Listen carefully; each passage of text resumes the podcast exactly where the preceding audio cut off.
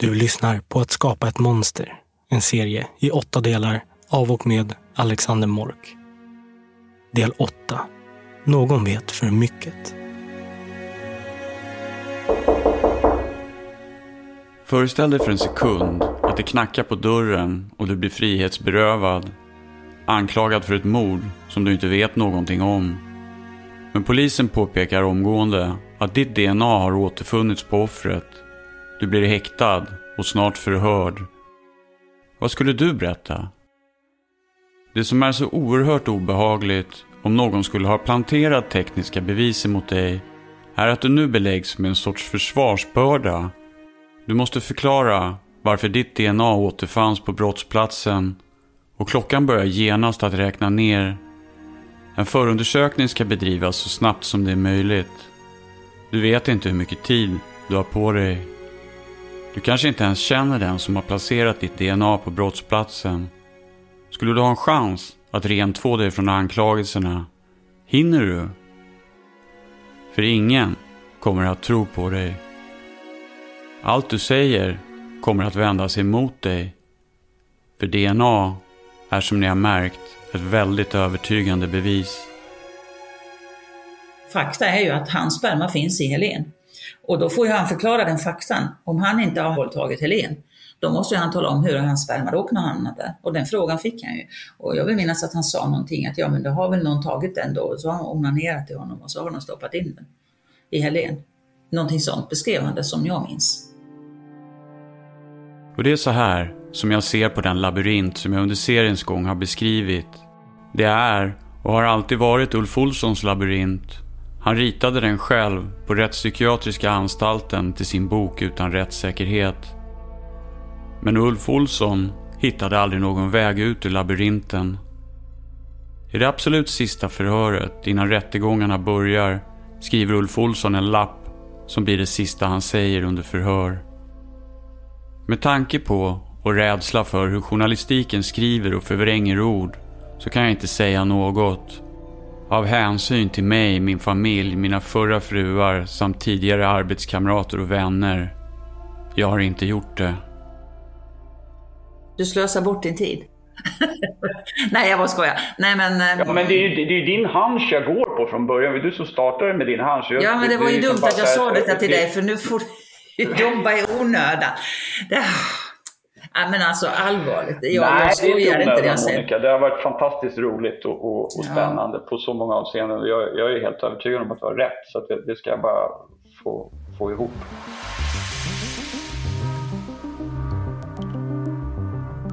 Jag har sedan en tid haft en huvudmisstänkt för de anonyma samtal och brev som skickades till polisen mellan 2002 och 2004. En kommunikation med polisen som skedde innan man hade fått en DNA-träff på Ulf Olsson. Jag har bara inte kunnat förstå varför mannen var inblandad då ett motiv saknades först. Precis som polisen hade svårt med att förstå Ulf Olssons motiv. Men eh, alltså om man då tittar på någon annan som skulle ha planterat och, så, och velat få Ulf Olsson fälld för det här. Det måste ju finnas någon form av hämnd mot den personen. Eller någonting som gör att den verkliga mördaren då skulle vilja sätta dit Ulf Olsson. Alltså det är så långsökt. Dessutom så känner vi inte till att Ulf hade den typen av ovänner. Alla har ju såklart ovänner, men vi, det är ingenting som vi känner till att han var hotad, att han var utsatt för någonting eller att någon ville hämnas på honom. Och det här är inte någonting som har skett bara i samband med att han frihetsberövades. Det skulle ha skett 89, det skulle ha skett 91, det skulle ha skett successivt till olika människor. Det, nej, jag, jag håller det för osannolikt att det är så.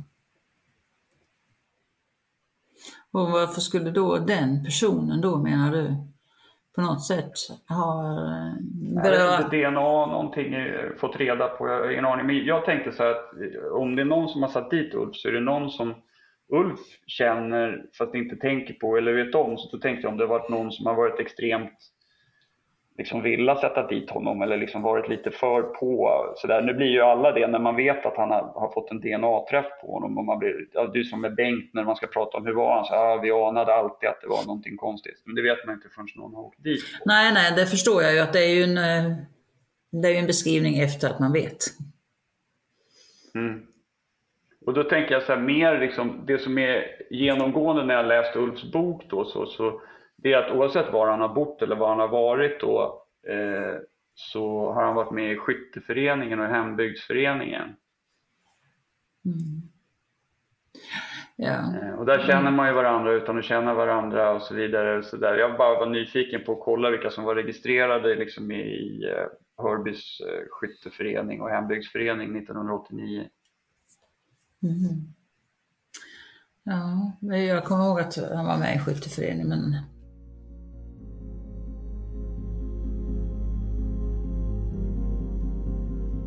Men när jag började spekulera i att en bilolycka hade skett och att det inte var en våldtäkt och ett mord, så hände något. Det fanns nu ett tydligt motiv och den jag sökte efter kunde nu vara vem som helst. För allt skedde i en annan ordning för mig under min utredning. Jag hittade först en misstänkt och jag förstod först senare att det var han som också var pojken med den svagröda saben som Helens kompisar Linda och Sabina såg utanför Sabinas hus samtidigt som Helen försvann.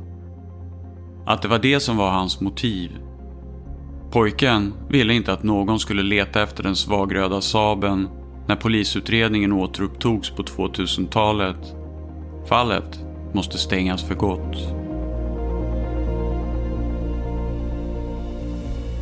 Det började med tips från Ulf Olsson själv i hans egna bok Utan rättssäkerhet på många sätt var Ulf Olsson den enda som faktiskt försökte lösa brotten. Han visste att han själv var oskyldig och försökte förstå vem det var som kunde ha gjort det här emot honom. Ulf Olsson hade noterat att de plastsäckar som Helene Nilsson emballagerats i kunde komma från ett sjukhus. Jag kastade mig ofta in i diskussioner med läkare. Vem vet sånt här? Vem letar jag efter som vet hur man tvättar bort fingeravtryck har medicinsk kunskap i någon form, vet allt om hur polisen arbetar, kan allt om DNA, blodanalyser och preparat som kan ge minnesluckor, är tekniskt kunnig och har tillgång till journaler. Någon som vet saker innan alla andra i en polisutredning. Det blev ganska snart uppenbart att jag borde söka inom rättsväsendet för att finna någon med all denna expertis. Du var vän med Per-Åke, ni pratade mycket liksom så här, om det fanns någon annan förutom Ulf som man liksom hade en så här, otroligt stark känsla för eller en plats man besökte. Ulf han, Ulf han dök ju upp eh, som gubben och lådan som du vet. Va? Det var ju genom Monica. Va? Hon var på en fest i Kävling eller vad fan det nu var någonstans. Utanför Landskrona ju. Mm. Det blev en kontakt där som du vet. va. Ulf Olsson kom ju in bland de här som skulle topsas tack vare mitt tjat till våran FU-ledare då, Pelle. Därför att jag hade ju fått uppgifter om honom av en, av en som jag känner. Och hon hade då berättat om Ulf, lämnat tips på att uh, han var på ett speciellt sätt och hon tyckte att han var väldigt intressant. Och, och hon hade tänkt på honom länge, länge, länge. Och då hörde ju jag två andra kollegor också till Ulf. För att liksom få mer kött på benen. Eh, och sen hörde jag också den eh, kvinnan som Ulf hade barn med. Och alla de här förhören sammantaget visar att Ulf var en väldigt speciell person. Och var väldigt intressant i det här perspektivet. Mm. Så därför, han, därför kom han med. Lena, en kvinna som arbetat tillsammans med Ulf Olsson på Bilsom i Hör 1989, ringer in en orosanmälan om Ulf Olsson till polisen den 18 december 2002. Hon har nyligen berättat samma historia för kriminalinspektör Monica Olhed under en middag och Monica ber henne därför att ringa in till polisen och berätta samma sak för dem. Men samtalet följs aldrig upp och det är inte så konstigt. För Lena vet egentligen ingenting alls om Ulf Olsson. Jag ska läsa upp den promemoria som upprättades när Lena ringde till polisen i Kristianstad 18 december 2002. När Lena tänker på Ulf ryser hon och säger att han var mycket obehaglig. Hon berättar att vid ett tillfälle hade han varit så berusad att kollegorna hade fått köra honom hem med hans egen bil. På frågan om Lena kom ihåg vad det var för bil Ulf hade låter hon mycket tveksam och verkar inte alls komma ihåg men svarade att det kan ha varit en Volvo. Lena hade sett ett tv-program som handlade om socialen där de visade ett reportage om Ulf. Han hade degat ner sig och satt på en massa tomkartonger i sin lägenhet. Lena berättar vidare att Ulf fick barn 1990 ihop med en kvinna som också arbetade på bil som i hör. Dessa två ska ha varit lite bakom. Enligt Lena behandlade Ulf kvinnan väldigt illa. Killarna som arbetade med Ulf i verkstaden hade berättat att Ulf jobbat på sjön tidigare. Att han hade betett sig fruktansvärt mot flickor samt att han ska ha varit på småflickor. Lena har även hört att hans barndom inte ska ha varit så lätt då han fick mycket stryk. Lena säger att Leif, som fortfarande arbetar i verkstaden på Bilson, har mer att berätta om Ulf. Lena tillägger att Ulf var mycket obehaglig, som en tvåmänniska, Dr Jekyll och Mr Hyde. Om det inte krävs mer än att en kollega har snackat skit om en och att man har varit onykter och blivit skjutsad hem för att bli misstänkt för ett 15 år gammalt sexualmord på ett barn så riskerar många människor i Sverige att bli misstänkta för mord. Kollegan Leif, som Lena hänvisar till i sitt samtal, säger heller inget speciellt graverande om Ulf Olsson i sitt förhör. Men det gör däremot en annan kollega som verkar ha kallats för Smurfen. Och det är tydligt att ryktena om att Ulf Olsson är en suspekt filur egentligen kommer från honom. Ulf Olsson kunde själv inte förstå varför kollegan Smurfen sa så elaka saker om honom. Det här gjorde jag vid sidan om, liksom, hörde de här arbetskamraterna, men det var inte gjort sådär pang, pang, pang, utan det tog ju kanske några dagar och någon vecka innan jag hörde en och så nästa och sådär. Så att det här tipset hade vi och det berättade jag för henne också att eh, vi har ju de här sitter häktade nu och nu jobbar vi på det här. Men att det här tipset ska vi givetvis ta hand om. Och... Jag tänkte bara, den här kvinnan då som, som, som, berätt, som berättade om Ulf Olsson. Mm. Eh, liksom, hur, hur kom det sig? Var, var, den, var det på middag med bordsplacering eller var det bara Nej, det var en ganska informell middag. Det är ju så att jag har ju skilt mig och träffade min nuvarande man, hade jag träffat då tidigare, innan den här middagen ägde rum. Eh, och jag hade ju träffat några av hans släktingar. Eh, det var på en middag, väldigt informell, eh, där den här kvinnan var med. Som jag hade träffat henne tidigare men aldrig liksom ja, vi hade väl inte haft någon, vi hade ingen fördjupad relation. Så, men jag hade träffat henne några gånger innan.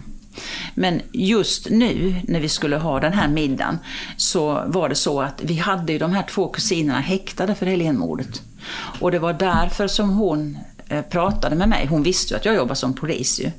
Men vi hade ju inte diskuterat mitt jobb innan. Men nu, det här var ju offentligt ju att det satt två stycken häktade för Helénmordet.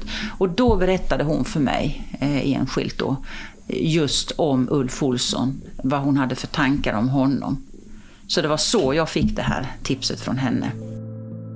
Förhören som Monica håller med Ulf Olssons kollegor sker 15 år efter att de arbetade tillsammans med honom och sex månader efter att orosanmälan ringts in om Ulf Olsson. Och alla kollegor blir informerade om att frågorna kring Ulf Olsson rör Helénmordet. Kanske påverkar det ett vittnesmål. När man gör den här DNA-testningen då 2004 så, så ja, då matchar ju det Ulfs. Men hur kunde man, eh, man, hur, hur hittade man honom? Var han, hade han... Eh... Ja, det är lite lustigt och det är väl nyckeln till den här historien. Måste man ha någon koll på honom? Han måste finnas med i registret då? Grejen är så här, för att Ulf skulle åka dit så var han tvungen att bli topsad. Så någon har tipsat den här kvinnan om att Ulf skulle okay, då... åka in, alltså rent tidsperspektivsmässigt. Okay. Så för att det här ska bli begripligt så är det liksom som att om någon har planerat någonting så syns det tydligare i efterhand för att allting blir för lägligt. Men när det händer och pressen är vid sidan om så, så drunknar det i detaljer, upplever jag. Mm. För det är så väldigt mycket saker i den här historien som är lägligt. Med det tips om Ulf Olsson som kriminalinspektör Monica Olhed får tror jag däremot att det finns ledtrådar att finna i än idag. För jag tror att Monica har blivit manipulerad och att hon än idag inte vet om det. Och det är inte så konstigt, för det är så historien ser ut. Monica är hjälten som såg till att man fann Ulf Olsson som misstänkt. Det var henne alla applåderade åt i korridorerna på polishuset. Vi möte med honom i Kristianstad då, när Pelle drog alla de här namnen som skulle topsas. Och till och med på det mötet när han var klar så hade han inte tagit med Ulf. Och jag vet, jag satt bredvid honom och jag sa till honom, men Ulf då? Ja, sen har vi Ulf Olsson då, drog han det här vi hade om honom, så fick med han också. Varför skulle hon tro att hon har blivit manipulerad till att få med Ulf Olsson bland de misstänkta? I så fall skulle hon behöva misstänka någon i sin närhet. Och det gör man inte i första taget. Faktiskt inte, ens efter 34 år. Men saken är den, att i och med att Ulf Olsson inte är misstänkt i polisutredningen så måste de ansvariga för bilolyckan på något sätt se till att Ulf Olsson blir topsad. Annars kommer inte polisen hitta honom. Och då kanske de istället börjar leta efter den svagröda Saben och den mellanblå Ford Taunus som syns i närheten när Helen försvinner. Och det kan inte riskeras. Han hade ju egentligen inga, inget track record av så grova brott, så att säga. Var, var det någonting som särskilde honom från de andra som blev topsade? Jag kommer faktiskt inte ihåg vad han hade på sitt mm. register innan. Mm. Men jag tror inte det var något grövre brott. Jag kommer inte ihåg vad de andra hade heller om jag ska det. Nej, nej. Det kostade ju pengar. För det, Tony sa till mig att det var du och, och Per-Åke och Göran Persson som valde ut vilka som skulle topsas. Eller? Eh, ja, lite så var det väl kanske. Men eh, eh Per-Åke Åkesson hade ju gått igenom den här utredningen. Så han var väl kanske den som hade plockat fram. Och vi hade ju diskussioner om vilka vi skulle plocka fram. Självklart, det hade vi. Vem, vem ledde de diskussionerna? Alltså... Ja, det var, ju, det var ju Pelle då, eller som vi kallar honom, Per-Åke Åkesson. Mm. Det var ju han som var våran chef, våran förundersökningsledare i den här gruppen. Så det var ju han som slutligen tog besluten. Och sen tog ju han besluten på vilka vi skulle presentera för chefen för länskriminalavdelningen. Och då var det ju han då, Henrik Malmqvist, som tog det slutgiltiga beslutet. Mm. Men, men var inte Per-Åke Åkessons spaningsledare? Jag trodde liksom att åklagaren är förundersökningsledare. Jo, jo, jo spaningsledare. Ja, okej. Okay. Jo, det stämmer. Men åklagaren är ju förundersökningsledare. Men så länge man inte har någon misstänkt så är ju ärendet kvar hos polisen. Men det är ju självklart att åklagaren var ju inblandad i det här, givetvis. Men det är så att den operativa biten sköter ju polisen, även om åklagaren är förundersökningsledare. Så det går över till åklagaren. När ni har en misstänkt så blir ja, åklagaren förundersökningsledare ja, och sen innan ja. så är Per-Åke... Ah, okay. Han är spaningsledare så länge. Mm. Men även om någon nu i bakgrunden har spridit rykten och kanske fått kollegan Smurfen att tro att han hjälper polisen genom att tala illa om Ulf Olsson så återstår ett problem. DNA-träffen på Ulf Olsson kan inte fälla honom för mordet på Helene Nilsson. Det är endast ett indicium det krävs mer bevis. Och cirka två veckor efter att Ulf Olsson anhållits finner man det sista tekniska beviset som till slut fäller honom för morden. Det som får indicierna att samverka och skapar en beviskedja. Blodspår från Jannica Ekblad. Vi kan ju bara tro och förstå att Jannica måste ju nästan ha mördats i den här stugan med tanke på den mängden blod som fanns där. Avsaknaden av en DNA-träff har gjort att bevisningen i den del som rör mordet på Jannica Ekblad har bedömts som betydligt svagare än den bevisning som funnits mot Ulf Olsson för mordet på Helene Nilsson. Tingsrätten i Lund menade ändå att han kunde fällas för mordet på Jannica Ekblad eftersom hennes blod fanns i hans sommarstuga och erkännanden kunnat knytas till hans mobiltelefon. I domen från Lunds tingsrätt i april 2004 kan man läsa att åklagaren har gjort gällande att Ulf Olsson är skyldig till mordet på Jannica Ekblad.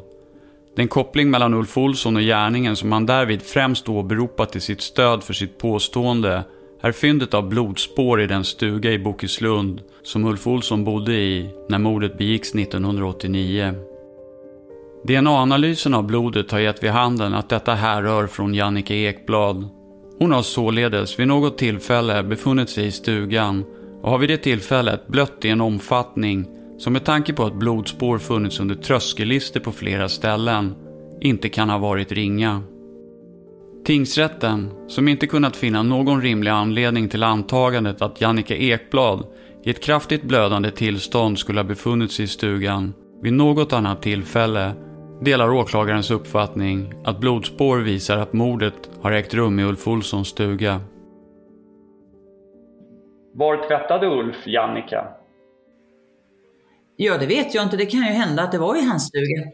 Ja, men allt, blod var ju inte, allt blod var ju inte där, så någonstans måste det ha hänt någon annanstans. Det kan ju inte ha hänt i stugan, för då skulle det vara mer blod i stugan än det som man hittade. Det var väldigt mycket blod i stugan. Väldigt mycket. Efter, efter vad teckningen, som jag minns det, så teckningen beskrev det, det var väldigt mycket blod i stugan. Och man ser att det är blod som har försökt eh, liksom tvättats bort. Men, men återigen, Jo, men prata har med det, Tony men det, liksom, hur var, hur var, ja, det är Tony jag ska prata då, hur bilden Ja. var. Var det någon som hade slagits där? Eller liksom, kunde det ha hällts och runnit på det sättet? För att Jannica blev ju strypt, hon blev ju inte ihjälslagen. Nej, som jag minns det så var det mycket blod. Och eh, jag kan inte komma ihåg att det var blod med en stänkbild så här som någon hade slagit ihjäl henne. Det kommer inte jag ihåg, men jag tror inte att det var det. Efter att man har fått en DNA-träff på Ulf Olsson i juni 2004 söker polisen efter fler bevis som kan knyta honom till mordet på Helene Nilsson. Kriminalinspektör Monica Olhed förhör Ulf Olsson på samma sätt som hon förhörde Bengt Karlsson sju år tidigare, 1997. Monica försöker få Ulf Olsson att berätta, att öppna upp sig, att ransaka sig själv och erkänna sina brott. Men det går trögt. Ulf Olsson förnekar anklagelserna och hävdar hela tiden att han är oskyldig. Semestern ligger för dörren när kriminalteknikerna Tony Andersson och Karsten Nilsen den 29 juni 2004 påbörjar en undersökning i den stuga som Ulf Olsson bodde i 1989. Undersökningen påbörjas alltså fem dagar efter att Ulf Olsson anhållits misstänkt för mordet på Helene Nilsson. Då hade jag liksom en fråga runt omkring... Eh, ja, men hur, hur... Med tanke på hur Jannica dog, hur har blodet hamnat i farstun? Eh, det kan mycket väl vara så att det har, det har varit handgemäng i, i farstun där som du säger. Va? Det fanns ju även blod inne i köket. Va? Om du har du, har du det protokollet med foto och så vidare. Men jag bara tänker så här blodbildsanalys och grejer. Så här, så här, alltså, all, alla eventuella blodbildsspår på väggar eller tak eller så vidare. Så där, de är helt ombyggda när ni kommer dit, eller? Ja, ja. Det- Ja, ja, det fanns ingenting. Min bästa ledtråd när jag förberedde mig för samtalet med kriminaltekniker Tony Andersson var att jag var fast övertygad om att Ulf Olsson aldrig hade mördat Jannica Ekblad. Och då, då ska det inte finnas något blod från henne i hans stuga. Det var min hypotes, det jag utgick ifrån. Faller en indicie så faller alla. Och hittills har de fallit som dominobrickor. Men om det finns blod från Jannica där, Ja, så, så liksom, jag, jag förstår fortfarande inte hur mycket blod det är från Jannica så att man liksom visste att det var från när hon blev mördad. där i, eh, i eh, faststugan, eller förstugan, vad du kallar det för. Där var ju eh, badrummen alldeles intill också. Va? Och där hade det varit eh, vattenläckage vid två tillfällen. Vintertid. Va? Så att i hallen ute, där vi hittade det här blodet på olika ställen, där hade stått vatten förstås. Va? Så det här blodet det kan mycket väl ha varit koncentrerat till en eller två ställen. Sen har det flutit ut. Va? Innan jag intervjuar kriminaltekniker Tony Andersson om blodet från Jannica Ekblad så har jag förberett mig. Jag har läst på om blodanalyser. Jag har sparat blod in till en tröskel och låtit det torka för att kunna studera det mer ingående. Blodet torkar på någon timme och blir omgående ganska mörkt, nästan svart. Nu, åtta månader senare, är det ljusare, mer rött. I domen mot Ulf Olsson antyder tingsrätten och hovrätten att det varit så mycket blod på golvet i farstun att blodet till och med har svämmat över en tröskel och in i köket. Man ser nästan framför sig att någon har kapat huvudet på Jannike Ekblad så att det har forsat blod ut över farstugolvet och sedan in i köket. Under förhören med Ulf Olsson beskrivs det också vid återkommande tillfällen att man funnit mängder med blod och att det måste tagit tid för Ulf Olsson att städa upp det. Men var, var, alltså hur mycket blod var det då? Alltså flera liter vi pratar om eller vad? Nej, nej, nej, nej, det har jag ingen uppfattning om. Men du vet, blod, väldigt lite blod va, om vi nu säger. Om vi nu säger att det skulle vara 10 centiliter. Det, när det flyter ut, det, det, det ser ut att vara en väldig mängd va. Så är det ju alltid när det gäller blod, så det, det ser ut att vara mycket mer än vad det är va. Ja, men, men var, var det liksom blod på, på, på de här listorna? Var det bara blod under listorna? Ja, ja, visst. Det var inte på ovansidan alls. Nej, nej. Ingenting på ovansidan någonstans, Nej. bara under listorna? Under, ja. Ja. Efter att kriminaltekniker Tony Andersson berättat att en vattenläcka förmodligen löst upp blodfläckar i badrum eller farstu som sedan spridits med vattnet så är det tydligt att mängden blod som har återfunnits i Ulf Olssons stuga har överdrivits. Monica tror fortfarande idag att Jannike Ekblad förblödde till döds i farstun och jag antar att tingsrätt och hovrätt trodde samma sak. Men det är alltså inte sant. Därför menar jag att Jannikas blod, den mängden som finns enligt eh, eh, teknikerna och de som har gjort brottsplatsundersökningen, så innebär det att hon måste ha dödats i stugan, så mycket blod som det har funnits där. Och då har Jannika varit i stugan. Bara det att det finns inte så mycket blod i den stugan. Jo, men har du inte pratat med teknikerna? Och enligt honom, det var väl så pass mycket blod så att Enligt Tony, enligt Tony Andersson så har det varit en vattenläcka i badrummet där det har runnit ut vatten som sen har löst upp blodfläckar och sen så har blod liksom följt med vatten in under golvlistorna. Så att några centiliter möjligtvis. säger Tony där nu. Det är inte min minnesbild av hur eh, det var då, utan då pratar man om att det var så pass mycket så att hon måste ha förblött i stugan. Då är det fel alltså. Men då har hon ju uppenbarligen varit där i alla fall, i Ja, stugan. absolut. Men det var inte mycket blod. Och den helgen, när han skadade armen, det var, den helg, det var då hon anträffades död också i den vevan. Så Jo, men det får ju ändå anses som spekulation. Det är ju ingen bevis. Det är en spekulation. Liksom. Nej, nej, det är ingen bevis. Det är en spekulation. Ja, det är många frågetecken såklart. Och jag tror att vissa av de här kommer man aldrig kunna rätta ut. Där vi hittade mest blod, det var ju på en trekantslist som, eh, som eh, var mot ytterdörren va? Mm. Du, du förstår vad jag menar? Ja, jag förstår. Mm. Trös, tröskeln va? När vi låsade den va, så var det på baksidan där va, så var det liksom brunsvart va. Och då, då förprövade vi det med, vi hade något som vi kallar för Lefko va. Och då, då, då fick vi reagens med det va.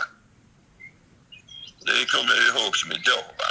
För då, precis då, av någon uh, anledning så kom uh, chefsåklagaren dit Per Andersson va och skulle titta. Jag var lite nyfiken där va. Så säger jag till honom, titta här eh, eh Per, så jag. Tänk, tänk om det är Helens blod, sa jag till honom då. Va, så. Det Tony sa, tänk om det är Jannike Ekbergs blod, sa han. Va. Den glömmer jag aldrig, den kommentaren. Va, liksom, va. Sen skickades den kvartsdagen, eller trekantslista, vad vi kallar det för. Den skickades ju upp till det som nu heter NFC, va? SKL som det heter då. Va? Det var en löpare som körde upp med det. Va? Och då så eh, fick vi svar att det var eh, Jannike Ekblads eh, matchade henne. Va? Och jag blev nyfiken på varför kriminaltekniker Tony Andersson, som var den som fann blodspåren, säger en sak, men alla andra i polisutredningen verkar övertygade om att det har forsat blod i farstun. Så jag gick åter igenom förhören för att se när informationen om blodmängden först dök upp. Jag ska läsa upp ett förhör som hölls direkt efter att man hade fått svar från SKL på blodanalysen och Ulf Olsson blev informerad om att han nu även var misstänkt för mordet på Jannica Ekblad. Förhör med Ulf Olsson 2004 07 07. Närvarande. Kriminalinspektör Monica Olhed. Advokat Sven Järnryd. Förhöret påbörjas klockan 13.20 men avbryts 15.05 och återupptas 15.25. Nu är även chefsåklagare Per Andersson närvarande under förhöret. Därefter säger åklagaren att han delger Ulf misstanke om mordet på Jannica Ekblad i augusti 1989. Ulf sitter tyst en stund och säger väldigt tyst. Nej, det går inte. Ulf tillfrågas om han har träffat Jannica, men det svarar han nej på. Åklagaren frågar då hur hennes DNA kan finnas i hans bostad. Det är fel, säger Ulf då. Åklagaren påtalar att det inte är fel. Han har fått svar från SKL att Jannikas DNA fanns i Ulfs sommarstuga. Ulf tillfrågas vad han har att säga om det. Då säger han bara att det är fel. Åklagaren säger då, är det fel med sperman i Helen också? Och det menar Ulf också är fel. Jag frågar Ulf om han inte vågar tänka på det han nyss delgivits misstanke om. Då säger han att han kan inte komma ihåg något från den tiden. Han minns knappt vad som hände för ett halvår sedan. Ulf får då veta att med tanke på de spår som hittats i stugan så bör det ha sett förfärligt ut där och att han borde komma ihåg det. Ulf sitter då tyst en lång stund. Och så frågar åklagaren honom. Ser du bilden framför dig? Nej, svarar Ulf då. Förhöret avbryts klockan 16.40 och återupptas igen klockan 16.55.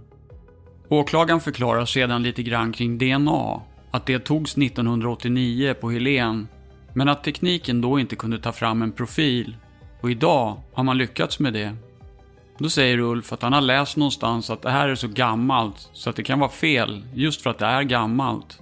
Åklagaren förklarar för Ulf att man kan ta fram DNA på mycket, mycket gamla personer för att fastställa släktskap. Åklagaren säger till Ulf att det kan vara på det sättet som jag tidigare nämnde för honom, att han inte kommer ihåg och då kan han ju varken förneka eller erkänna någonting. Då säger Ulf att det är fruktansvärt, så det måste han ju förneka. Jag frågar Ulf om det kunde vara så att han nästan var som en annan person när handlingarna begicks. Då tänker han inte normalt, som man kanske tänker idag. Vi pratar lite kring det här och Ulf sitter bara tyst och suckar. Så säger han slutligen att det kan inte stämma. Jag fattar inte. Jag frågar honom då vad det är han inte fattar. Då säger han alltihopa. Åklagaren frågar honom om han är trött. Då säger han nej, men han har ständig huvudvärk. Det har han haft ganska länge. Förhöret avslutas 17.50. Alltså blodets placering dels va. Det fanns ju på baksidan av den här listen som jag sa till dig va. Och den listen, den, den satt ju där så att säga hårt an mot tröskeln. Alltså, med spikar eller som aldrig hade dragits ut eller någonting? Spikat ja. Så de, de drog vi ut va. Och då när vi vänder på den här listen, det är då vi ser detta va. Vi tittar på varandra, jag och Karsten där och då var det ju alldeles mörkbrunt, va? nästan svart va. Och det blir ju blod med tiden om jag uttrycker mig så va. Te- Kan man testa hur gammalt blodet är liksom, och hur länge det har legat, hur länge det har liksom torkat? Man, man konstaterar ju detta hade ju legat då sedan 89 va. Eller finns det, är det ju som de, de som begriper det här bättre än jag på SKL som jag sa va.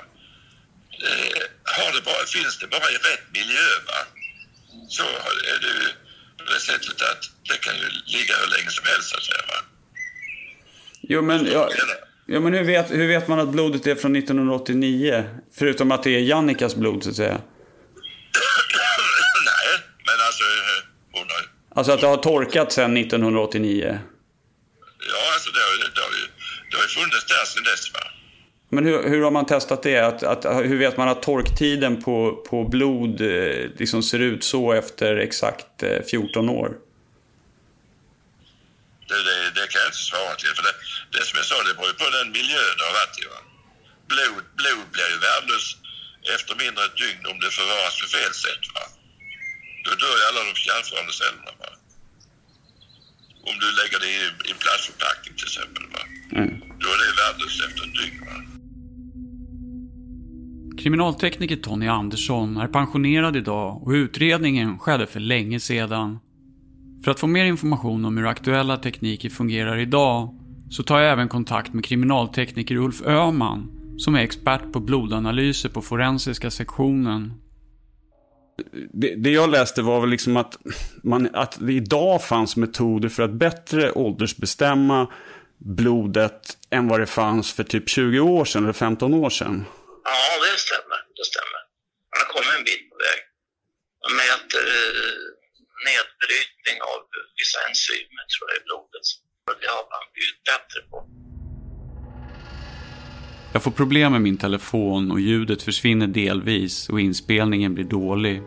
Kriminaltekniker Ulf Öhman berättar inledningsvis att man idag kommit en bit på vägen och kan mäta enzymer för att bättre fastställa åldern på blod. Att färgen vanligtvis går från en ljus färg till att bli mörk och svart. Men han har flera gånger sett andra varianter där en målad yta till exempel blivit orange. Så än idag är det svårt att säga exakt vilken färg blod ska ha efter ett visst antal år. Problemet är fortfarande i vilken miljö har det här spåret eh, befunnit sig. Ja, men säg att, säg att det har legat så att säga dolt, så att, säga, så att det är under golvet eller liksom någonstans så att det inte är varken ljus eller släpp eller någonting. En ganska torr miljö, kanske, kanske utsatt för lite fukt liksom. Men... Ja, det, det, visst. Då skulle man kanske kunna komma en bit på väg. Det, det, det, det är mycket Även torkat det är ju beroende på hur länge det har legat och, hur det har legat. Och, eh, om det har torkat snabbt, eh, det torkar väldigt långsamt, så risken är att eh, förruttnelseprocessen sätter igång ganska snabbt. Men torka blodet snabbt också. Normalt sett en droppe då torkar på en timme kanske i normal miljö, alltså rumstemp.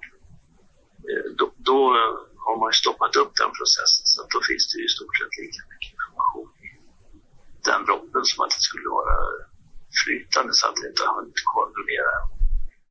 Ja. Men en frys då, då, om den har legat i en frys?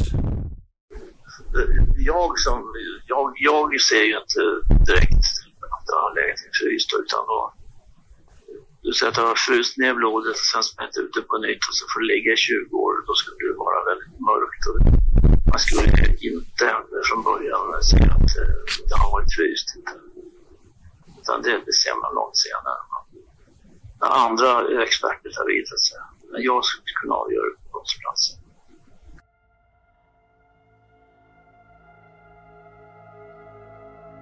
Det är ett stort pådrag med sökhundar från Norge.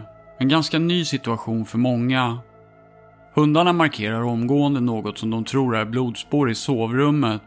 Och kriminaltekniker Tony Andersson och hans kollegor börjar bryta upp golvet. När, när ni började undersökningen då i, i stugan, eh, så ni hade ju hundar där från dag ett så att säga, men de reagerade aldrig på blodet i hallen förrän efter en typ vecka, tio dagar eller? De, är, de reagerade. Vi hade ju hundar både från Göteborg och vi hade hundar från Norge, kommer jag ihåg. Det, det, var inte, det var inte så väldigt vanligt då på den tiden, va? med de här kriminalsökshundarna. Va? Jag vet att de, de reagerade på olika ställen inne i stugan. Va? Visade förhöjt intresse, som hundförarna sa. Va? Och så skar vi ut dem. Och då hittade man inte något DNA-material va? Som man kunde göra någon an- analys på i alla fall. Va?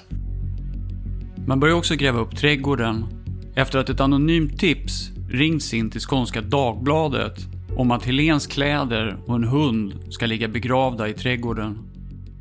Men dagarna går och man hittar ingenting. Men, men, men hundarna markerade alltså, de markerade ju i efterhand, i, i, alltså när du plockade upp där, var det någonting nytt som hade hänt? Alltså, var, varför, jag, jag förstår inte varför, hund- om hundarna söker igenom i flera dagar och sen helt plötsligt så bestämmer de sig för farstun efter att de har markerat massa andra... Har du, jobbar du med polishundar eller något sånt där med hur de söker? Nej. Nej. Kriminaltekniker går tillsammans med sökhundar igenom huset i över en vecka. Under hela den tiden markerar aldrig hundarna för blod i farstun. I början av sökningen markerar de i sovrummet och på en plats i köket. Man tar bort golvlister, finner hundhår, bryter upp golv. Men man finner inga spår efter Helene Nilsson i Ulf Olssons stuga. Men så plötsligt, efter en helg, så markerar hundarna för blod i farstun. Kriminaltekniker Tony Andersson har ingen erfarenhet av sökhundar, men det har kriminaltekniker Ulf Öhman som har arbetat med dem många gånger under utredningar. Men har du haft någon utredning när det har haft liksom så hundar som har sökt i en vecka, tio dagar och sen så liksom i slutet av perioden så hittar man blod men inte i början? Nej, det har jag inte. Om du tänker på att det är samma, precis samma utrymme som hunden söker, att de skulle söka en vecka. Nej, det, det, det gör de inte. De hittar det på en gång. Det är inte så att det plötsligt efter en vecka kör samma utrymme om och om och om igen. Och till slut markerar. Det har jag aldrig varit med Men hur skulle du reagera om det hände då? Eh, då skulle jag misstänka att det har någon där och placerat ut något. Mm. För att hundarna inte hittar det direkt och, och sen, för att det är en sån stark... Ja, ganska snabbt i alla fall. Mm. Men så rent teoretiskt så skulle jag kunna frysa ner blod, placera ut det någonstans och så att säga sätta dit någon annan för det egentligen eftersom jag har... Ja. Ända tills man då kanske ser eh, att eh, cellerna har brustit på, det speciella sätt de gör när, när någonting frys, när det blir nedfryst. Man, det, är ingen, det är ingen teknik som används när ni gör utredningar idag, att man kollar så att säga? Nej. Inget som är standard, utan det är, det är, en, spe, det är en specialgrej i så fall som man får beställa. Om jag förstår kriminaltekniker Ulf Öhman korrekt så bör det gå att testa om de blodspår man fann i Ulf Olssons stuga någonsin har varit nedfrysta. Det skulle kunna vara ett sätt att bevisa min tes att Ulf Olsson är oskyldigt dömd. Om blodet man återfann någonsin har varit nedfryst så är det ett tekniskt bevis som har planterats i Ulf Olssons stuga. För jag tror inte att blodet hamnade där 1989. Jannica Ekblad har blivit misshandlad och slagen med ett trubbigt föremål över huvud och ansikte. Hon har liknande blåmärken som Helene Nilsson har över armar, ben och bål. Det extrema övervåld som har använts tror jag har gjorts just för att mordet på Jannica Ekblad ska påminna om mordet på Helene Nilsson. Där hennes banemän försökt täcka över skador från en bilolycka. Och så har man också placerat pellets djurfoder intill Jannica Ekblads kropp så att polisen fortsatt ska söka efter en man med hund. Men Jannike Ekblads obduktion avslöjar också en annan sak.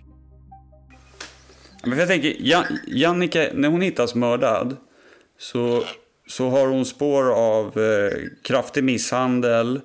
Hon har ett skärsår på höger fot, på höger arm och under halsen.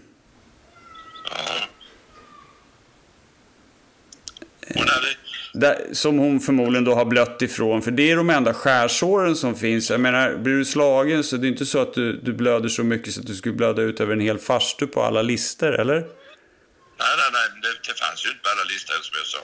Utan anledningen att det hade flutit ut på detta sätt, det var ju att det hade varit översvämning i den här farstun. Va?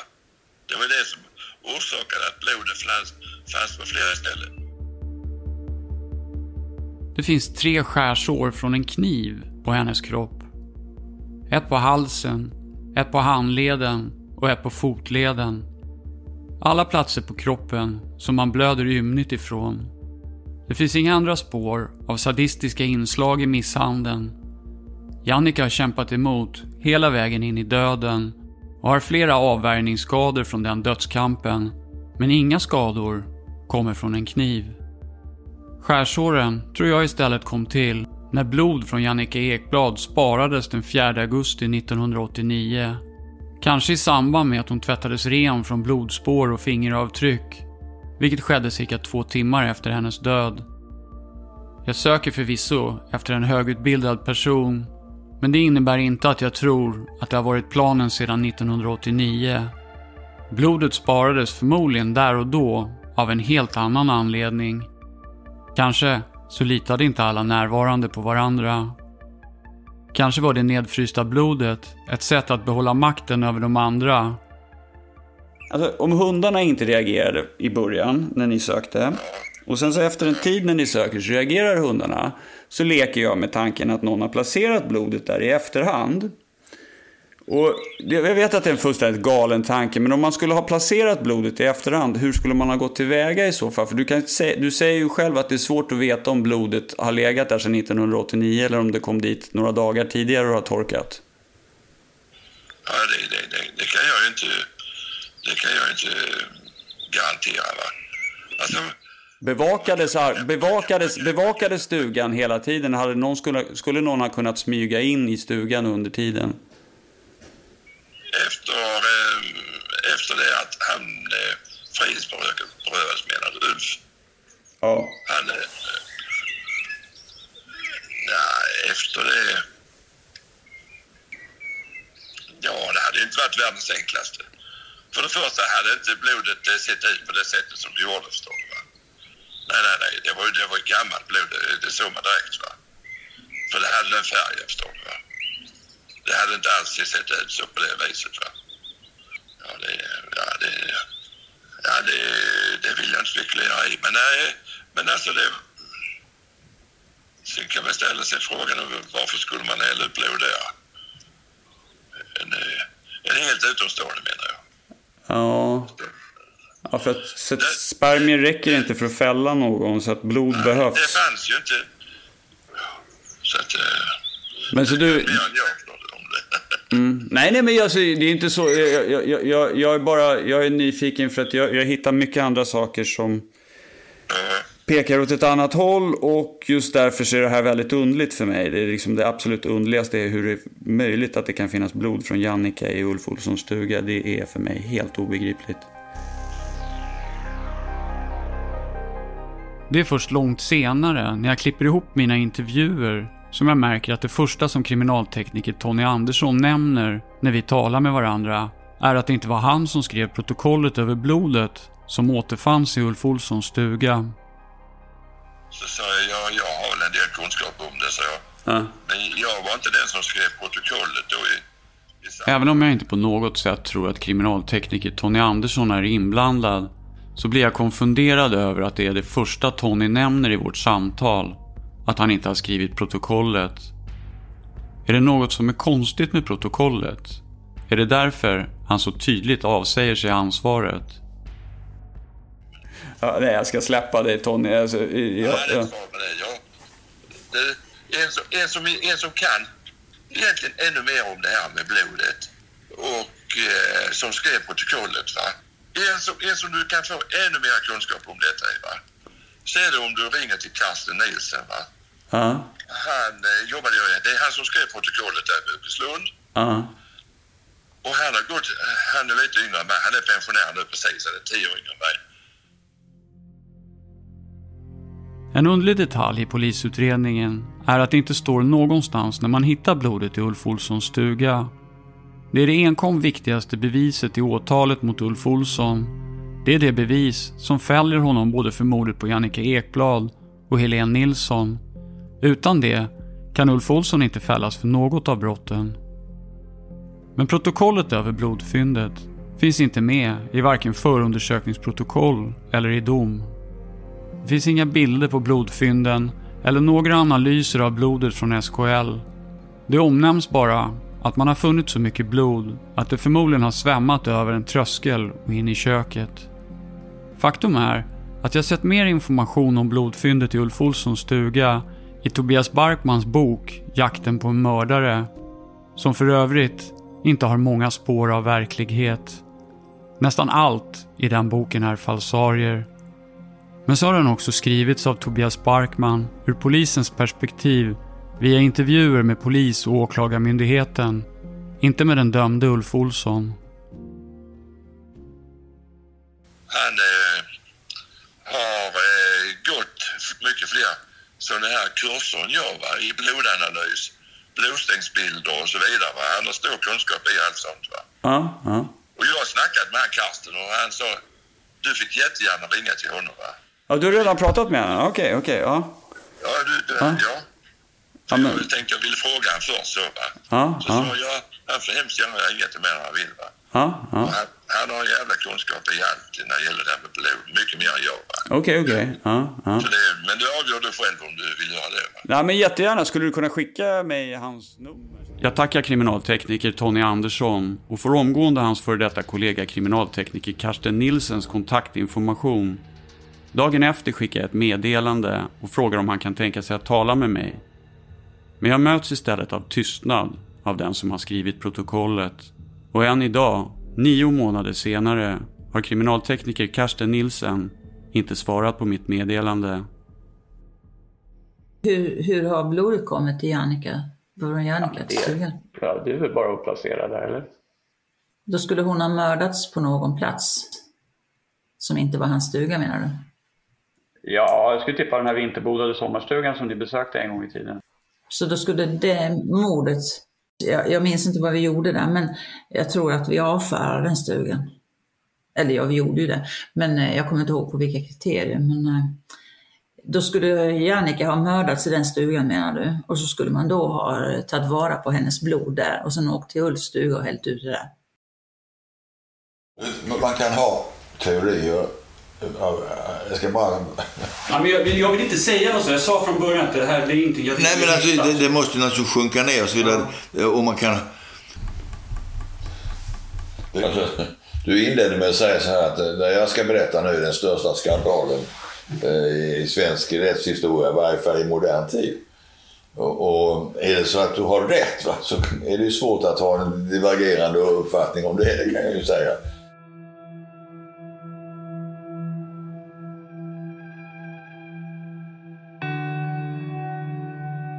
Till skillnad från Tobias Barkman har jag nekats tillgång till att ta del av materialet i utredningen på plats. Jag snubblade istället över det här när jag insåg att det inte är många alls, knappt någon, som ordentligt gått igenom de båda fallen med ett perspektiv där Ulf Olsson skulle kunna vara oskyldigt dömd. I min egna utredning fann jag omgående tecken på att något var fel. Det föreföll helt orimligt att Ulf Olsson skulle ha mördat Jannica Ekblad. Kan du, vem är det som hämtar upp Jannika i en bil eh, på kvällen den 3 augusti 1989? Alltså, som jag minns det, så vi vet ju inte säkert vem som hämtar upp Jannika. Hade vi vetat det, då hade det varit ett annat läge. Vi tror ju att den sista som hämtar upp henne är Ulf Olsson. Men vi vet inte säkert. Ulf Olsson var inte alls lik den grisen som hade bestämt möte med Jannike Ekblad kvällen när hon mördades. Hans stuga såg inte ut som den som beskrevs i förhören av Jannike Ekblads väninna Angeli.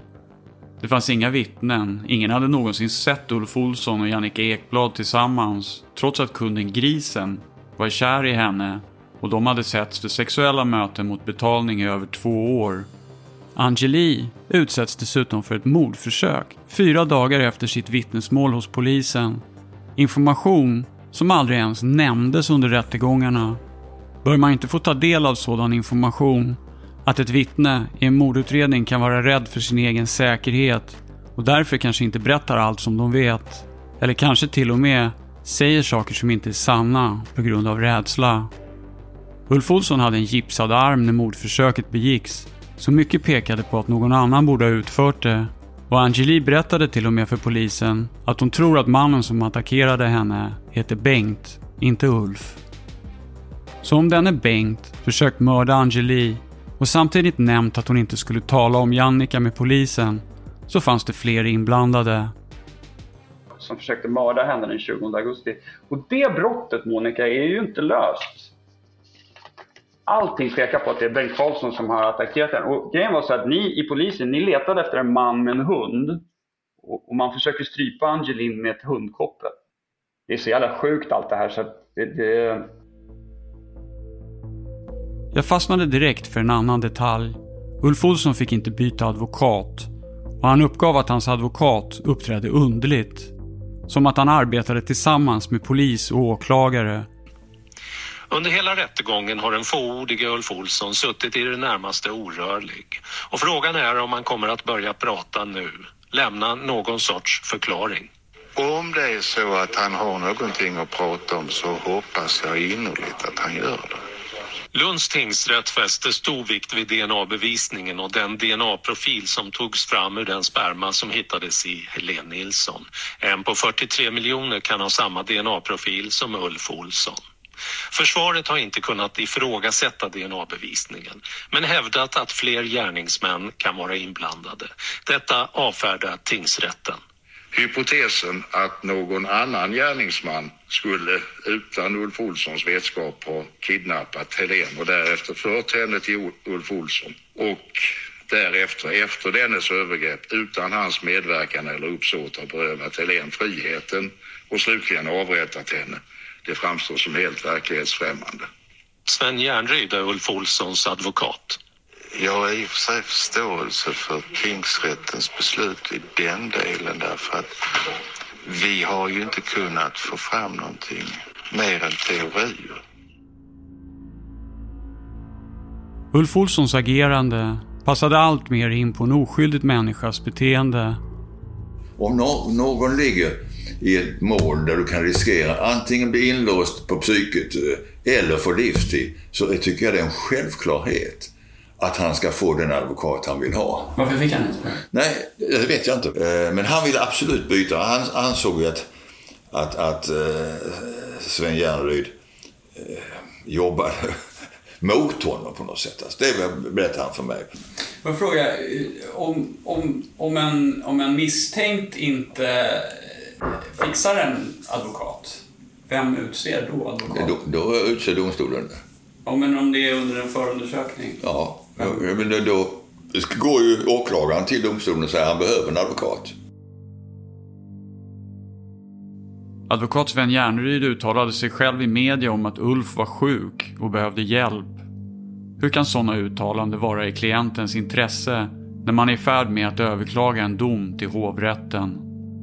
Monica Olhets förhör med den Henrik som bekräftade att Ulf Olsson var manlig eskort och ibland skjutsades till sexfester togs aldrig upp i rättegångarna trots att det var Ulf Olssons enda försvar, hans enda förklaring att någon stulit hans DNA på en sexfest. Jag är förbryllad över det här som du säger, Sven Jörnerud säger att han begärde det och inte kom med. Jag gick igenom de anonyma erkännandena som togs upp som bevis i åtalet och jag upplevde det som att åklagarmyndigheten bara hade plockat de delar i meddelandena som passade in i teorin om Ulf Olsson som ensam gärningsman.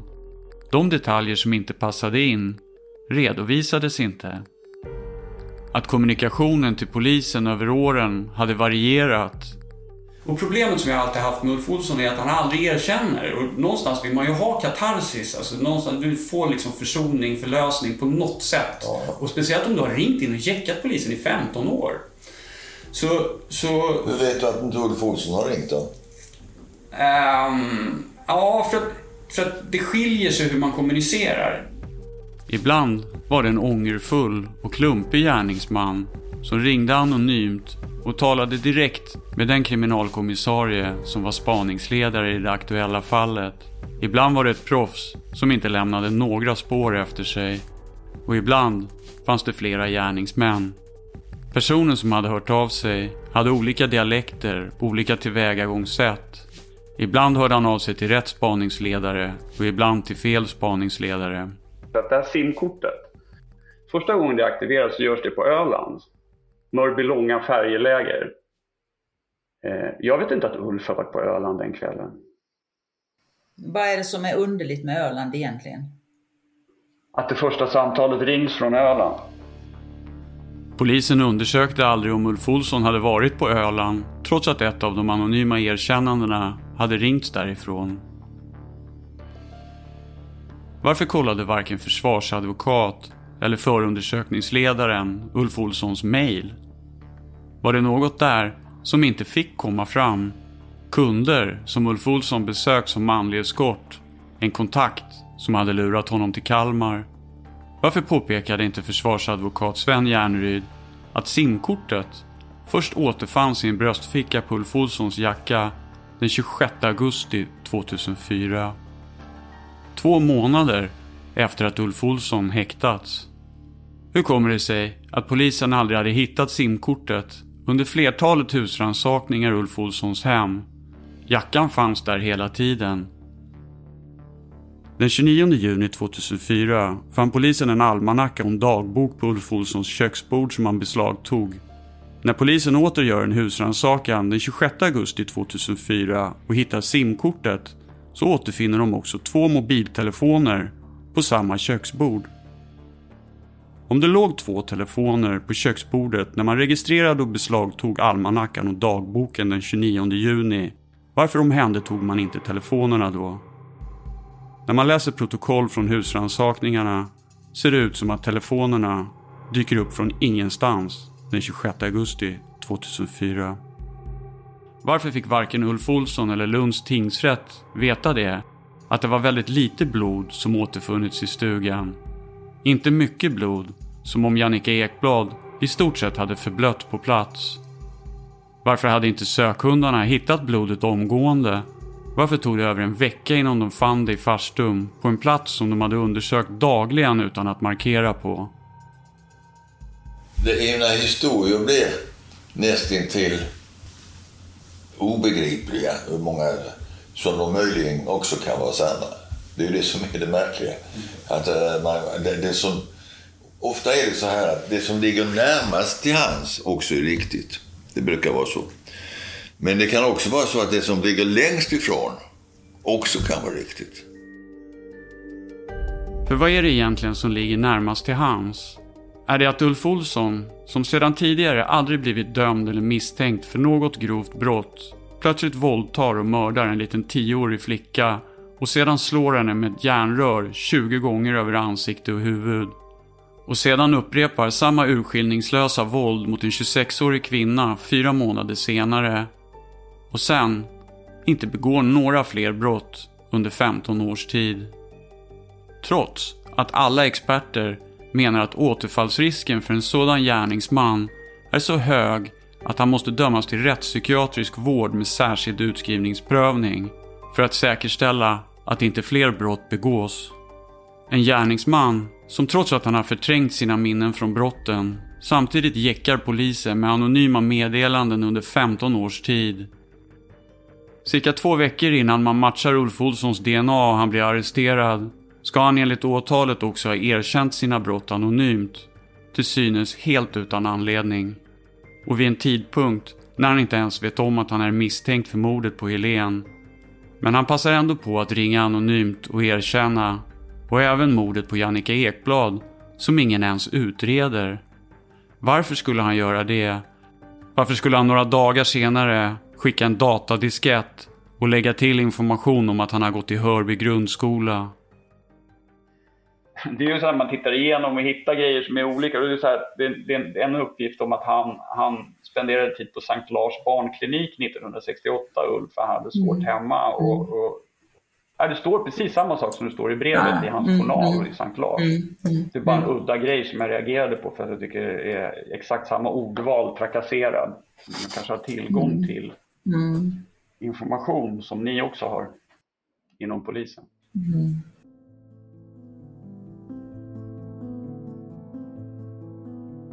Om Ulf Olsson ligger bakom de anonyma erkännandena, varför berättar han då aldrig sina motiv till varken morden eller meddelandena? Han förnekar envist alla anklagelser och bemödar sig skriva en bok för att få berätta sin version i hopp om att kunna bevisa sin oskuld. Är det verkligen detta som ligger närmast till hans? Är det verkligen den mest logiska lösningen att det är Ulf Olsson som är gärningsmannen? Eller kan det vara så att det egentligen är så att det som ligger längst ifrån istället är det som ligger närmast till hand? Att Helene Nilsson dog till följd av en bilolycka och att hennes banemän där och då tog ett beslut om att inte rapportera olyckan utan försökte få det att se ut som ett sexualmord så att ingen skulle leta efter en olycka. Att Ulf Olsson var ett offerlamm. Att en kondom från en fest stals och hans DNA hamnade på brottsplatsen. För det var nödvändigt att få det att se ut som att Helen hade blivit våldtagen. Att någon bara skulle ha slagit henne med trubbiga och skarpkantade former av järnrör utan att först ha förgripit sig på henne skulle ingen tro på. Men genom att placera spermier och få det att se ut som en våldtäkt så skulle polisen springa vilse i 34 år och det blev nästintill omöjligt för dem att lösa brottet och hitta de skyldiga. Jag tycker inte det är en teori som bör betraktas som fantasier eller något verklighetsfrämmande. Den alternativa versionen är långt mer logisk och sannolik och till skillnad från åtalet mot Ulf Olsson ger den ett tydligt motiv till agerandet. Ulf Olssons advokat Sven Järnryd är nöjd med hovrättens dom, men det är inte hans klient. Nu är det ju så att eh, jag har pratat med Ulf och Ulf han är ju fortfarande av den uppfattningen att han är oskyldig. Om Högsta domstolen skulle besluta att pröva ärendet så blir det inte i skuldfrågan utan vilket straff Ulf Olsson ska få. Därför tänker advokat Sven Järnryd råda Ulf Olsson att inte överklaga. Morden på Helene Nilsson och Jannike Ekblad skedde för 34 år sedan. Men är fortfarande höljd i någon form av Kennedy-lik sekretess. Det material i polisutredningen som jag vill syna är sekretessbelagt och jag nekas tillgång. Så jag kommer inte längre än så här i min egna utredning. De transkriberade texterna från förhören i förundersökningsprotokollet består nästan uteslutande av konceptförhör. Alltså sammanfattningar av förhören som gjorts av en kriminalinspektör i efterhand. Det är omöjligt att bilda sig en uppfattning om vad som händer i detalj inne i förhörsrummet. Hur den misstänkte reagerar på en fråga, hur den ställs, när den ställs eller ens vem som ställer den. Röstlägen, uttryckssätt, mimik, sinnesstämning och gester går förlorade i översättningen. Och Ulf Olssons egna advokat, Sven Järnryd, som närvarade vid alla förhören, hänvisar till evig tystnadsplikt och vill inte tala om fallet. Se om jag kan få ihop någonting, för det är väldigt, väldigt svårt och väldigt, väldigt känsligt fall. Så att liksom... Eh, jag har ju försökt få ut eh, förhören från, eh, som du höll med Ulf Olsson. Men jag har ju fått nej, alltså tre gånger har jag överklagat. Och till slut handlar det i förvaltningsdomstolen och kände att jag orkar inte fortsätta kämpa om att få ut dem. Liksom, sådär. Sen, sen så ansökte jag faktiskt en gång till privat liksom, och angav då de skälen. För att de, mm. de förhören som finns med Ulf mm. då i förundersökningsprotokollet. Mm. Det är ju så sammanfattningar eller konceptförhör. Ja. Och du är ju väldigt duktig på att sammanfatta. Men din kollega Göran Persson är inte alls lika sugen på att skriva långa ord. Så där är det rätt många förhör som är kanske två timmar långa som är en halv A4 och inget nytt har framkommit i utredningen. Så där. Och då var jag lite intresserad av att... Vad har de motiverat jag... till att du inte får ut dem? Eh, det är för att det är sekretessbelagt och att det kan skada. Någonstans så, så känner jag väl också att det har att göra med att Helen var tio år. Det är ett så grovt brott så att man vill inte röra upp någonting antar jag i onödan. Men eh, så där stannar det.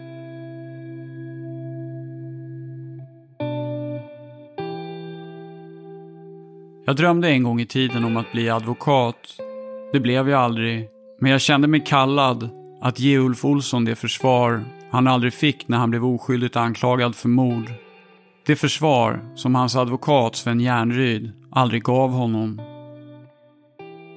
Att göra den här dokumentärserien har varit mitt sätt att visa på en alternativ version. Ett sätt att få presentera detaljer och händelser som tingsrätten och hovrätten inte fick ta del av 2004 och 2005. Information som kanske hade förbättrat deras fantasi och kanske hade lett till att de hade rest tvivel över åtalet. Jag kan inte ansöka om resning i Högsta domstolen så att Ulf Olssons namn och heder kan återställas i historieböckerna. Men jag hoppas att de som kan göra det, gör det så att en förundersökning kan öppnas upp och undersöka det som jag inte får tillgång till. Det krävs att en släkting eller en bröstarvinge gör det. Skicka gärna med informationen i den här dokumentärserien i ansökan om prövningstillstånd till Högsta domstolen i så fall. Det är alltid det som har varit min vision alla sena kvällar och nätter i ensamhet när jag har arbetat med den här serien. För det som har hänt Ulf Olsson får aldrig hända någon igen. Det är vi skyldiga honom.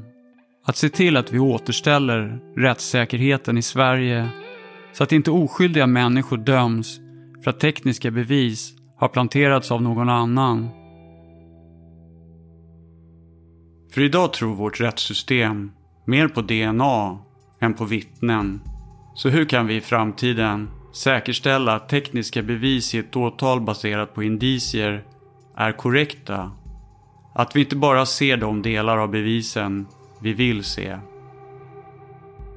Chefsåklagare Per Andersson ser gärna att frågan om livstidsfängelse eller vård för Ulf Olsson prövas i högsta instans.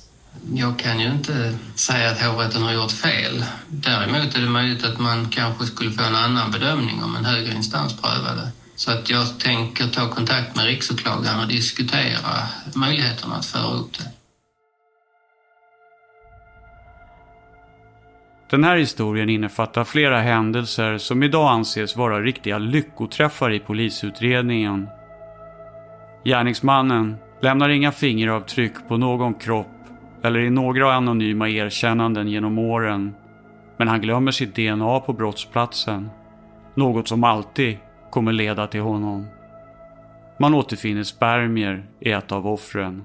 Totalt hundra stycken spermier. Precis, precis tillräckligt för att ett DNA-laboratorium i England ska kunna analysera det. Men ingen ställde sig någonsin frågan varför man fann så få spermier. När offret inte hade tvättats. Allt i min egna utredning pekar på att man konsekvent utgått från två felaktiga variabler i alla polisutredningar som företagits genom åren. 1. Att Helene Nilsson blev våldtagen och mördad istället för att undersöka en bilolycka. 2. Eftersom att Ulf Olssons DNA återfanns på brottsplatsen så måste han vara skyldig. Ingen kunde ens fantisera ihop att någon skulle ha planterat bevis mot honom. En annan välkänd uppgift som är med i Tobias Barkmans bok Jakten på en mördare är en kommentar som fälldes när man återfann blodspår från Jannike Ekblad i Ulf Olssons stuga. En kommentar som kriminaltekniker Tony Andersson fortfarande minns väl när jag talar med honom. Där vi hittade mest blod, det var ju på en trekantslist som, eh, som eh, var mot ytterdörren. Va? Mm. Du, du förstår vad jag menar? Ja, jag förstår. Mm. Trös, tröskeln va? Mm. När vi låsade den va, så var det på baksidan där va, så var det liksom brunsvart va. Och då, då förprövade vi det med, vi hade något som vi kallar för Lefko va. Och då, då, då fick vi reagens på det va. Det kommer jag ihåg som idag va. För då, precis då, av någon eh, anledning så kom chefsåklagaren dit Per Andersson va. Och skulle titta, jag var lite nyfiken där va. Så säger jag till honom, titta här eh, eh, Per, så jag. Tänk, tänk om det är Helens blod, sa jag till honom då va. Så. Du Tony, sa tänk om det är Jannike Ekbergs blod, sa han va. Den glömmer jag aldrig, den kommentaren va. Liksom va. Vissa minnen är i längden starkare än andra. De etsar sig fast. Det här är en upptäckt som kriminaltekniker Tony Andersson har kommenterat i intervjuer och sagt så många gånger att det till och med filmatiserats. Tänk om det är Jannikas blod. Men det som jag inte tror att så många har tänkt på är hur undligt det egentligen är att säga en sån sak. Det är nämligen det jag tror att kriminaltekniker Tony Andersson reagerar på och det är det som gör att han minns händelsen på samma sätt än idag. För kriminalteknikerna som undersöker Ulf Olssons stuga söker efter spår från Helene Nilsson. Alla tror att det är här som Helene Nilsson har hållits fången av Ulf Olsson.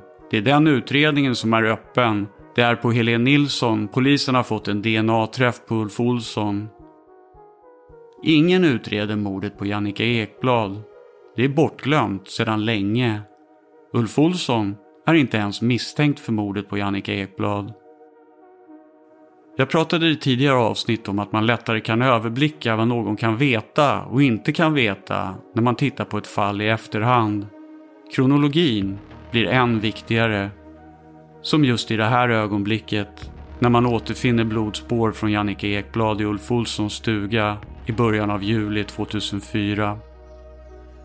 För det simkort som användes för att ringa samtalen anonymt till den pensionerade kriminalkommissarien Per-Åke Åkesson med meddelandet Helen och Jannica, jag tog dem båda, har inte analyserats när blodfyndet görs. Det ska dröja två månader tills den 26 augusti 2004 innan polisen hittar simkortet. Och det analyseras inte förrän i mitten av september 2004 och det är då man kontaktar den Per-Åke Åkesson som mottog samtalen. Så när kriminaltekniker Tony Andersson finner blodspår i Ulf Olssons stuga vet man inte om de samtalen.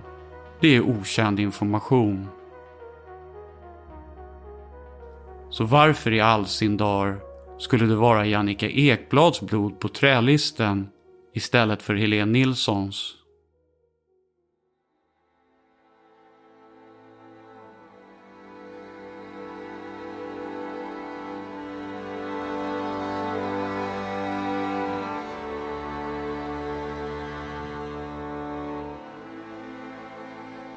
kommer jag ihåg slutligen också, det som var mera förfärande, eh, även om jag inte riktigt förstod det från början, när eh, Ulf berättade att om han skulle ha en möjlighet att komma ut ifrån den rättspsykiatriska, vården så var han tvungen att underkasta sig en behandling. Eh, det var förutsättningen för att överhuvudtaget ha möjlighet att någon gång i framtiden eh, komma ut ifrån sjukhuset. Men för att han skulle kunna underkasta sig den här nödvändiga vården så måste han också erkänna. Det här är hans ord till mig.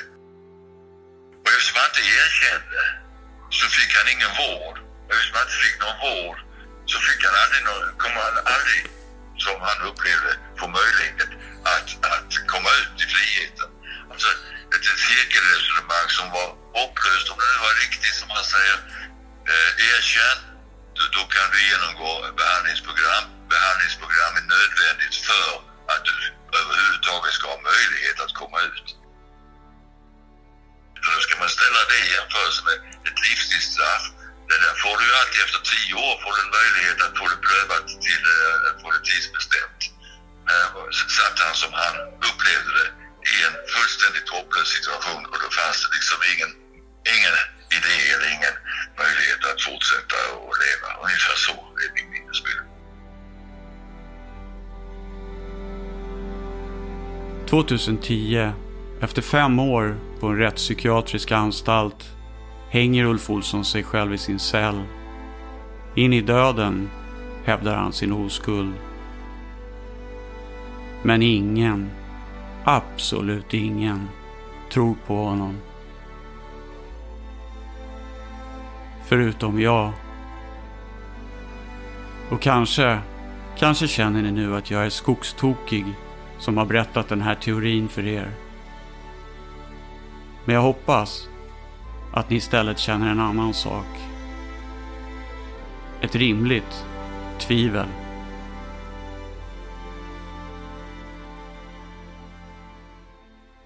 Det innebär inte att jag hundraprocentigt har sagt ja till att biträda dig. Nej, det förstår jag. absolut. Det kan jag inte göra nu. Va? Nej, nej, nej. Eh, Jag kom hit för, för, för att få, få lätta mitt hjärta. Jo, nej, men det- snarare det- I, i, I någon sorts galenskap. Ja, men det är jättebra. Jag kan säga att, eh, att jag inte kan säga vare sig ja eller nej. Det beror på eh, mycket enkelt.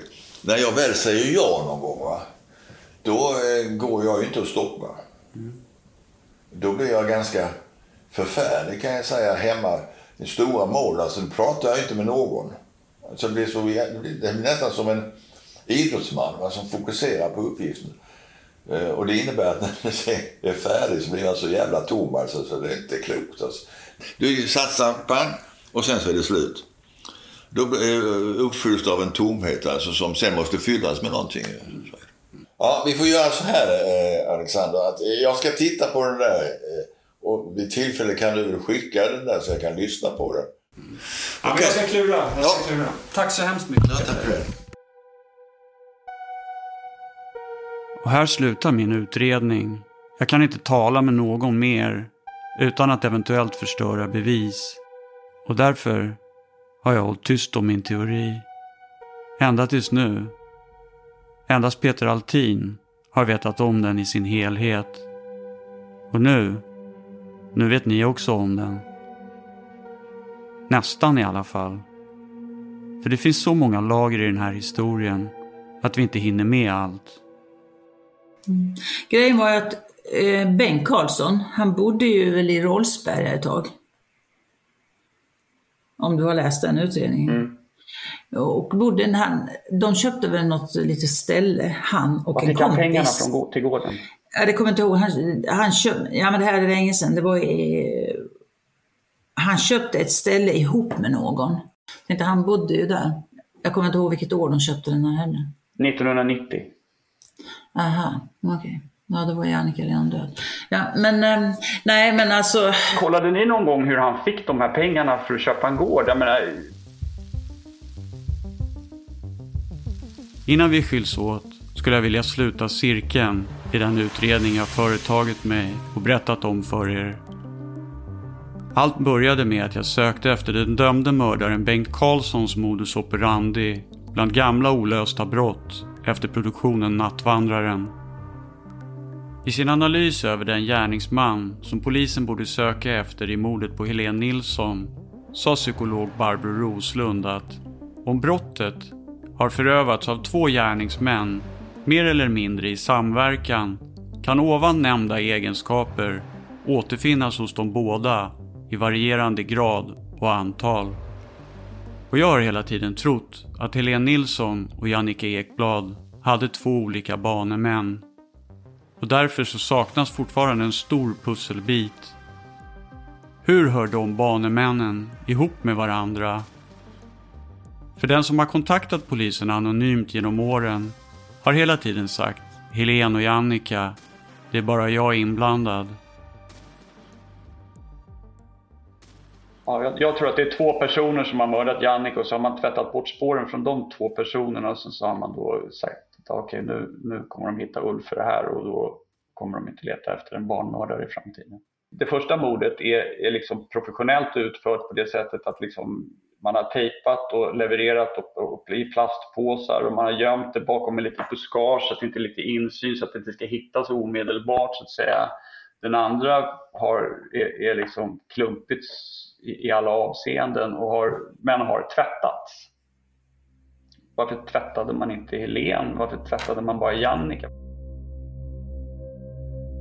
De anonyma erkännanden och de tekniska bevis som återfanns efter 2002 tror jag enkom har planerats av mannen som en gång i tiden beskrevs som en pojke med en svagröd Saab 99. Mannen som arbetar i skuggorna. Men det inkom ett par mycket intressanta anonyma samtal under 1991 till dåvarande spaningsledare kriminalkommissarie Alfa Andersson i Eslöv som fångade mitt intresse på ett helt annat plan. Och då blev jag jätteintresserad för att den som ringer Alfa Andersson är väldigt ångerfull. Det var inte meningen, jag kan inte se för hennes föräldrar, Helens föräldrar i ögonen. Och om jag inte kan se någon i ögonen så känner jag ju personen i fråga. Ulf Olsson känner ju inte Helens föräldrar. Nej. De samtalen till Alf Andersson 1991 tror inte jag ringdes av pojken med den svagröda saben. De samtalen ringdes nog av en mer analog person. En mycket ensam person som också var med om bilolyckan i någon form och hjälpte till att få bilolyckan att istället se ut som ett sexualmord på ett barn. En man som kanske nyligen hade sett Helens föräldrars sorg på avstånd och som kort därefter ringde till kriminalkommissarie Alf Andersson för att han ville att Helens föräldrar skulle få veta att det egentligen var en bilolycka. Det var en tillfällighet att det blev Helen. Och psykolog Barbro Roslund sa också att mannen skulle må väldigt dåligt efter brottet och risken för att han skulle begå nya brott mot kvinnor eller ungdomar var mycket hög. Den som ringde tror jag var den 30-årige mannen med en ljusblå metallic Ford Taunus herrgårdsvagn som vittnet Lars Tulldal såg parkerad med öppen motorhuv utanför Sabinas hus 40 minuter efter att Helene Nilsson plötsligt försvunnit från Hörby den 20 mars 1989. Och jag noterar också att Jannica Ekblads mormor såg Jannica lämna henne i en liknande stor mellanblå herrgårdsvagn bara några timmar innan hon mördades när hon skulle besöka sin sista kund och starta ett nytt liv. En stor och rymlig mellanblå bil som fick hennes mormor att tänka att där, där skulle jag själv sitta bekvämt i baksätet. Mannen med den mellanblå Ford Taunusen och den som ringde de anonyma samtalen till Alf Andersson 1991. Det tror jag var Bengt Karlsson. Man har profilen på honom som man egentligen har målat upp på mördarna där, där man skriver att det kan vara två mördare och då, då, då, skriver man vilka spår man skulle leta efter. Då är det snarare så att vi skulle leta efter Bengt och en person till då, så här. man skulle kombinera deras... Eh, eh. Jag tror inte på Bengt Karlsson på Helénmordet. Det tror jag absolut inte. Han var ju också speciell på sitt sätt, men de var speciella på olika sätt, han och Ulf. Jag skulle vilja påstå att eh, Ulf var ju mer, eh, vad ska jag säga, intelligent inom vissa områden. Han hade nog ingen, han hade nog inte så mycket EQ om man säger så. Det tror jag, och, och det är samma sak med Bengt Karlsson. Han saknar nog helt emotionell kompetens. Till skillnad från Ulf Olsson så passar Bengt Karlssons gärningsmannaprofil helt överens med de som har tagits fram genom åren. Och Bengt Karlsson har vuxit upp hos en fosterfamilj i närheten av Hörby, där han ofta var på besök hos vänner. Kanske var Bengt Karlsson i Hörby den 20 mars 1989 när Helen försvann. Eller är det bara fantasier? Är det verklighetsfrämmande? Eller är det bara en riktigt otrolig jävla slump? Ja, och det är bara nu under de här dagarna mm. som jag känner att när jag börjar tänka efter, liksom, vad fan liksom, har jag med om allt det här? Ja, men tror du inte Bengt att även tidigare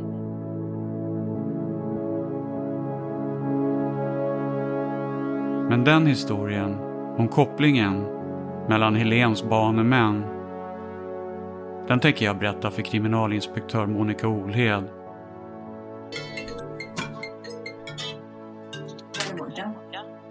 Det är Alex. Jo, mm. uh, ja, det, var ska jag börja någonstans? Jag, uh, jag har jobbat i ett års tid med din hunch.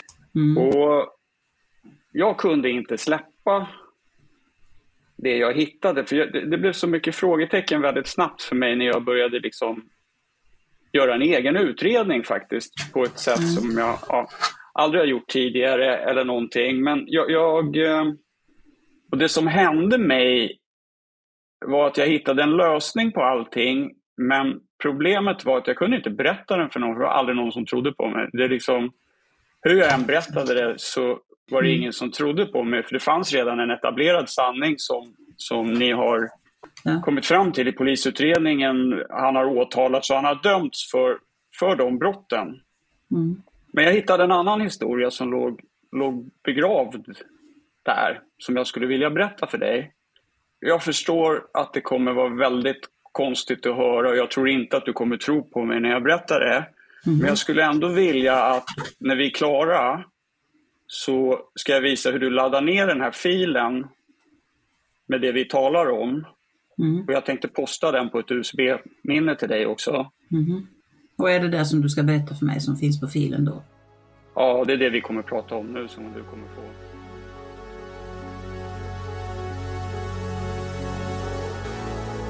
Du har lyssnat på sista delen av Att skapa ett monster. Jag heter Alexander Mork. Serien Att skapa ett monster är producerad av Alexander Mork med mig, Nils Bergman, som exekutiv producent. På attskapaetmonster.se kan ni själva fördjupa er ytterligare i Alexanders research och ta del av tidslinjer, förundersökningsprotokoll och annat material. Länken finns även i avsnittsbeskrivningen. Tack för att ni har lyssnat.